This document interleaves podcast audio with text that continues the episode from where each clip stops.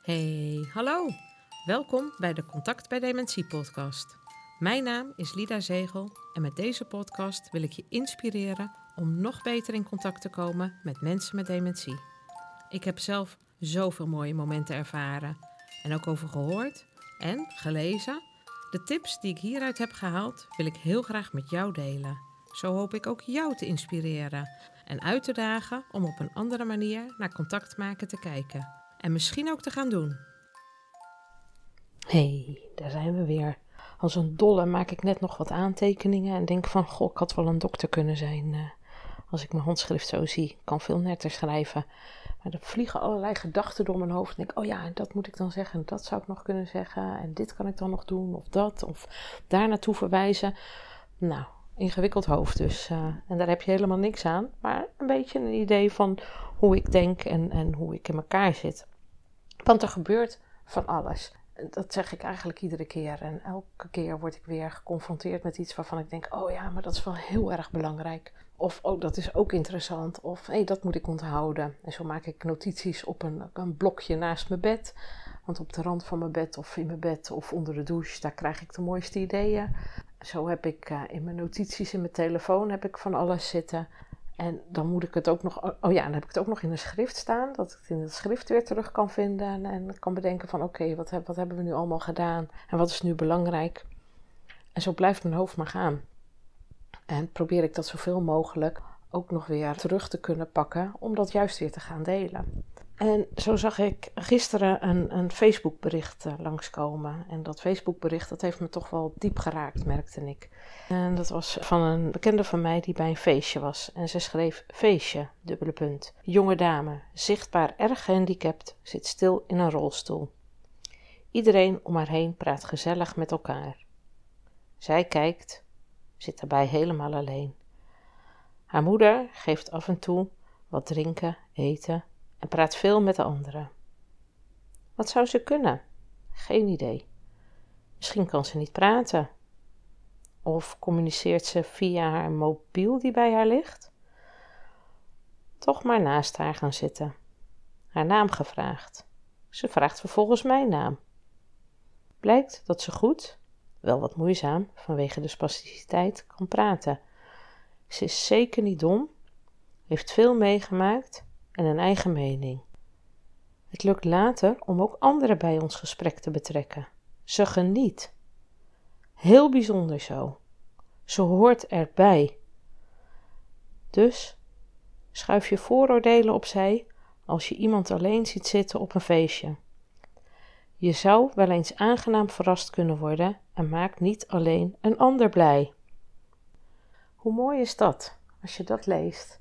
Ik heb daar ook op gereageerd, dat ik dat ook wel merk dat dat vaker voorkomt en dat ik heel blij ben dat ze dit deelt. Want hoe meer we dit soort verhalen delen, hoe meer mensen toch in contact komen. En dat heeft, dus in dit geval heeft het niets met dementie te maken, maar is het meteen die trigger die bij mij weer geraakt wordt over contact bij dementie. Dus vandaar dat ik het ook hier deel. Want het gaat veel breder. Uh, contact is altijd belangrijk. En nou vind ik contact bij dementie, daar ligt mijn grootste missie om te zorgen dat die kloof verkleind wordt. Maar eigenlijk is contact zo ongelooflijk belangrijk. En dan denk ik ook terug aan de vakantie. We zijn deze vakantie in, in Nederland gebleven. En in Nederland heb je, de, heb je de mooiste musea, ook hele bijzondere musea. En zo zijn we bij het Dolhuis geweest in Haarlem. En volgens mij heet dat ook Museum van de Geest. Het gaat in ieder geval, het, is, het Dolhuis is een, uh, was vroeger een instelling die je nu onder de GGZ zou kunnen plaatsen, waar dus mensen naartoe werden gebracht uh, die niet begrepen waren. Of niet begrepen werden, bedoel ik. Daar kunnen we heel veel over vertellen. Maar ook dit is eigenlijk wel weer een doelgroep. Mensen die een psychiatrische aandoening hebben. In iedere gemeente of bij iedereen in de buurt zijn wel mensen met psychiatrische aandoeningen. En dat is niet altijd ook even makkelijk om daar weer contact mee te hebben. En dat contact is enorm belangrijk. Dat werd daar in dat dolhuis ook, uh, lieten ze daar ook zien in de tentoonstelling. En ja, ze daagden je uit om een spelletje te gaan doen. Dus een spelletje, moest je mobiel neerleggen en dan ging je een balletje overgooien. En wat er gebeurde is dat dat balletje, in het begin kreeg je de bal en kon je hem naar iemand anders uh, toe doen. En uh, Nou, je kon zelf kiezen, je stond met z'n drieën. En binnen de kortste keren ging het balletje alleen maar tussen de andere twee en werd ik in mijn spel buitengesloten. Uh, dat uh, Jurgen, mijn man, dat ook deed, die maakte hetzelfde mee. Dus dat was ook echt ja, bewust, zeg maar, de, de bedoeling om je dat te laten ervaren. Dus je zit te kijken naar dat spel en je staat, je staat, ja, je staat gewoon niks te doen. Je wordt gewoon buitengesloten. En dat buitengesloten worden, dat werd daar ook uitgelegd, dat dat evenveel pijn geeft als fysieke pijn. Tenminste, hoe het geregistreerd wordt in de hersenen. Dus het, het feit alleen al dat buitensluiten, uh, er wordt niet in gesneden, er, er vloeit geen bloed of wat dan ook, maar dat dat zoveel pijn kan doen.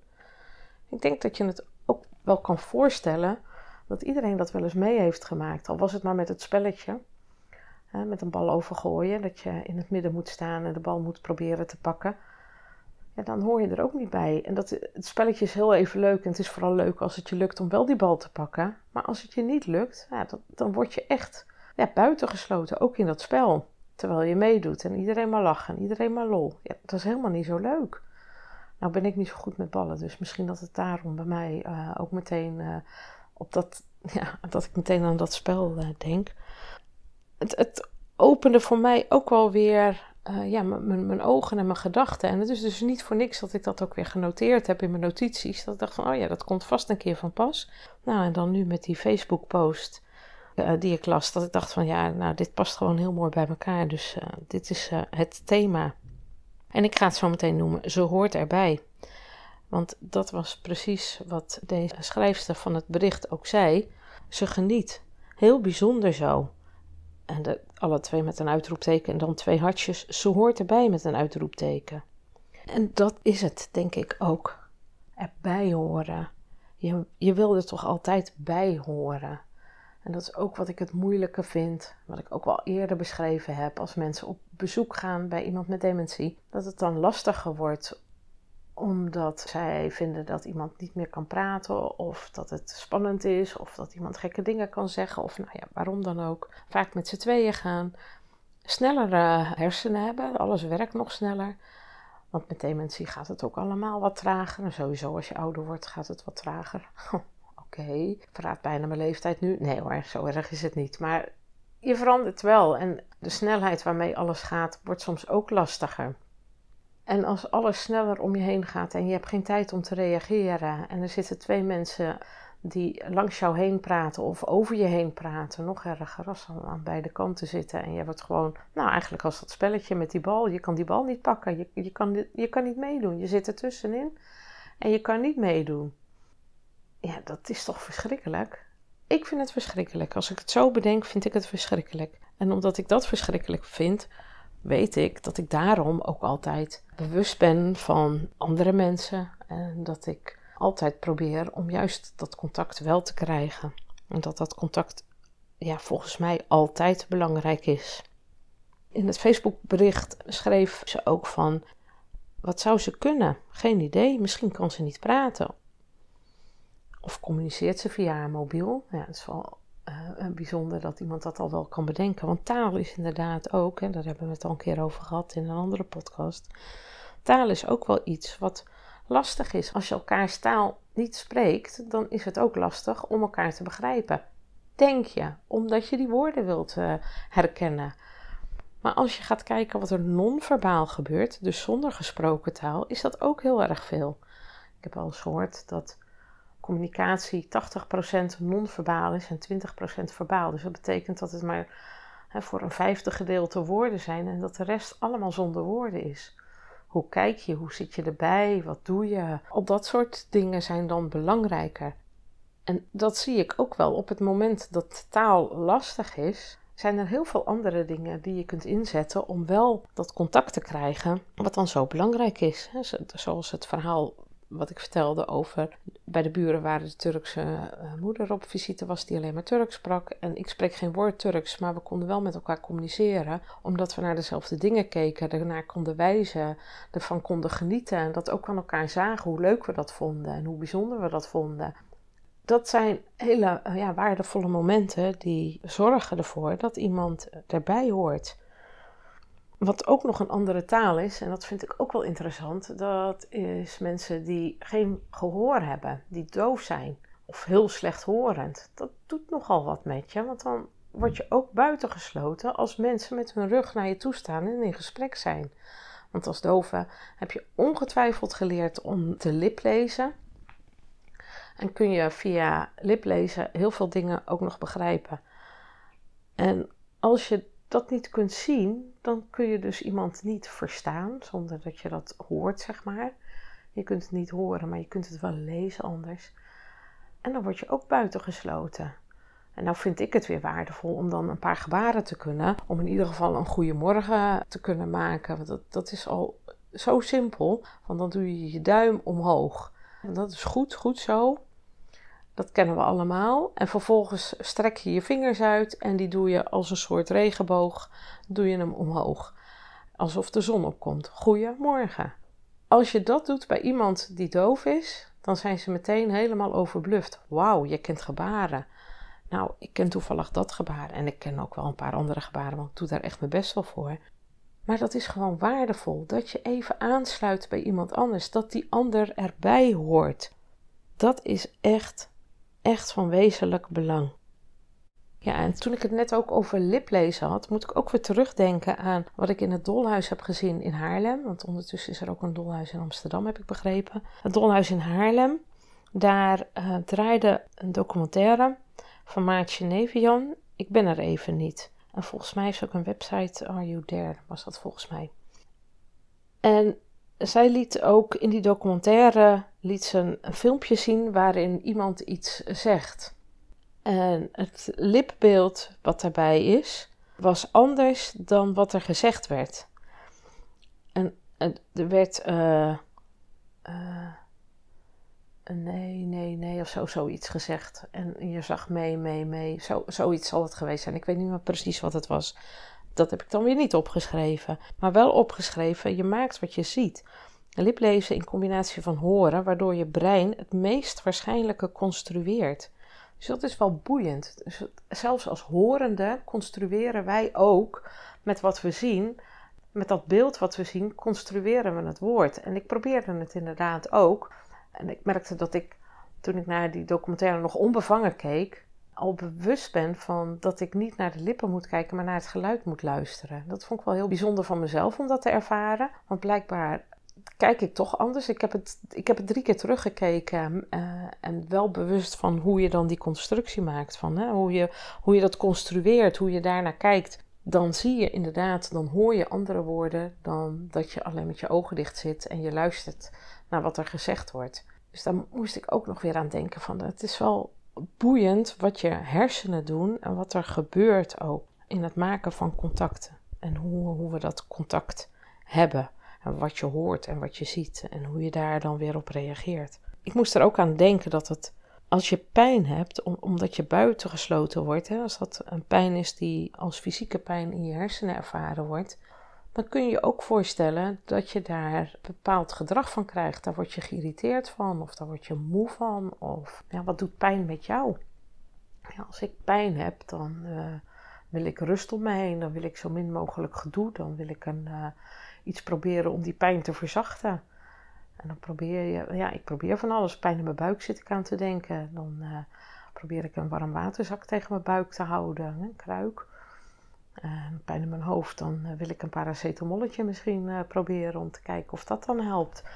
Of misschien meer drinken. En als dat niet helpt, dan word ik daar niet zo gezellig van. Dan ben ik gewoon niet zo leuk. En als ik dat denk, dan denk ik van, oh ja, ik, ik, ben op die leeftijd dat ik nou, gewoon last heb van de hormonen, de overgang. En denk van ja, daar word ik ook niet een leuker mens van. Dus ik moet me ook bewust zijn van, oh ja, wacht even, er gebeurt van alles dat doet wat met me. En doordat dat wat met me doet, ben ik anders en doe ik anders. Dus je kan je voorstellen dat als je ja, dat buitengesloten gevoel hebt, dus die pijn ook daarvan ervaart, dat je daar ja, op gaat reageren. Want het is gewoon niet fijn. Ik zou me ook zo voor kunnen stellen dat dat uh, een van de redenen is, denk ik ook wel te zien soms, bij mensen met dementie, dat ze dan boos worden. Van hallo, ik ben er ook nog. Soms wordt dat letterlijk gezegd. Of waar hebben jullie het over? En, en dat wordt niet altijd op een vriendelijke manier gezegd. Wees je ervan bewust hoe belangrijk dat contact ook is. En wat je daar ja, mee, voor, mee kan doen en voor kan doen. En hoe je daar ja, mee om zou kunnen gaan. Dus het allerbelangrijkste wat ik vandaag wil meegeven, of in deze podcast wil meegeven, is naar aanleiding van de Facebook-post. Zorg dat iemand er ook bij hoort. Betrek iemand. Ga naar iemand toe. Maak contact. Kijk wat er mogelijk is. Begin gewoon. Praat tegen iemand en komt daar geen taal uit of een andere taal of iets anders. Probeer je aan te passen en je zal zien dat een ander, de ogen zullen al anders gaan staan van hé, hey, jij bent er voor mij en je, jij doet je best voor mij. Hoe belangrijk, ja, ik, ja hoe, hoe, hoe moet ik het zeggen dat, dat dit gewoon, volgens mij gaat het hier om. Zorg dat je mensen niet buitensluit. En dat is voor mij veel breder uh, dan alleen maar ja, in contact. Ik vind dat sowieso een belangrijke waarde. Niemand buitensluiten. Maar ja, kijk hoe je iemand erbij kunt betrekken. Dat iemand erbij hoort, dat iemand mee kan doen. Dat dat misschien niet is op de manier waarop jij het graag zou willen, of waarvan jij denkt van hé, hey, dat is goed, of zo moet het. Maar gewoon ieder naar zijn vermogen en daar ook van genieten, dat dat dan gelukt is. En dat is volgens mij ook de laatste zin die in die Facebook-post stond. Je zou wel eens aangenaam verrast kunnen worden en het maakt niet alleen de ander blij. Deze dame die dit schreef, is daar zelf dus ook heel erg blij van geworden. En dat vind ik wel heel erg mooi. Het zijn stichtelijke woorden bijna geworden en helemaal naar eh, de woorden uit het gesticht van het dolhuis. maar goed, ze hoort erbij. Zorg dat je niemand buitensluit. Help elkaar om mee te doen. Wat fijn dat je luisterde naar deze podcast. Super bedankt daarvoor, want samen maken we de kloof naar mensen met dementie minder groot. Abonneer je op deze podcast als je automatisch een bericht wilt ontvangen als er weer een nieuwe online is. Zo krijg je ook alle afleveringen onder elkaar te zien. Je kan ook een review achterlaten. En dat kan heel simpel. Ga naar de podcast-app waarmee je luistert en klik op reviews. Laat bijvoorbeeld 5 sterren achter. Als je wilt, kun je ook nog een geschreven review geven. Zo komt deze podcast bij meer mensen onder de aandacht, omdat hij zo hoger in de ranking komt. Hoe mooi zou dat zijn? Nog fijner, deel deze podcast, bijvoorbeeld met een schermafbeelding op Facebook of Instagram. Wil je mij benaderen? Dat kan op mijn Facebookpagina Maatcontact, Instagram Maatcontact of mail me op lida.maatcontact.nl. Nogmaals, super bedankt voor het luisteren en heel graag tot de volgende keer.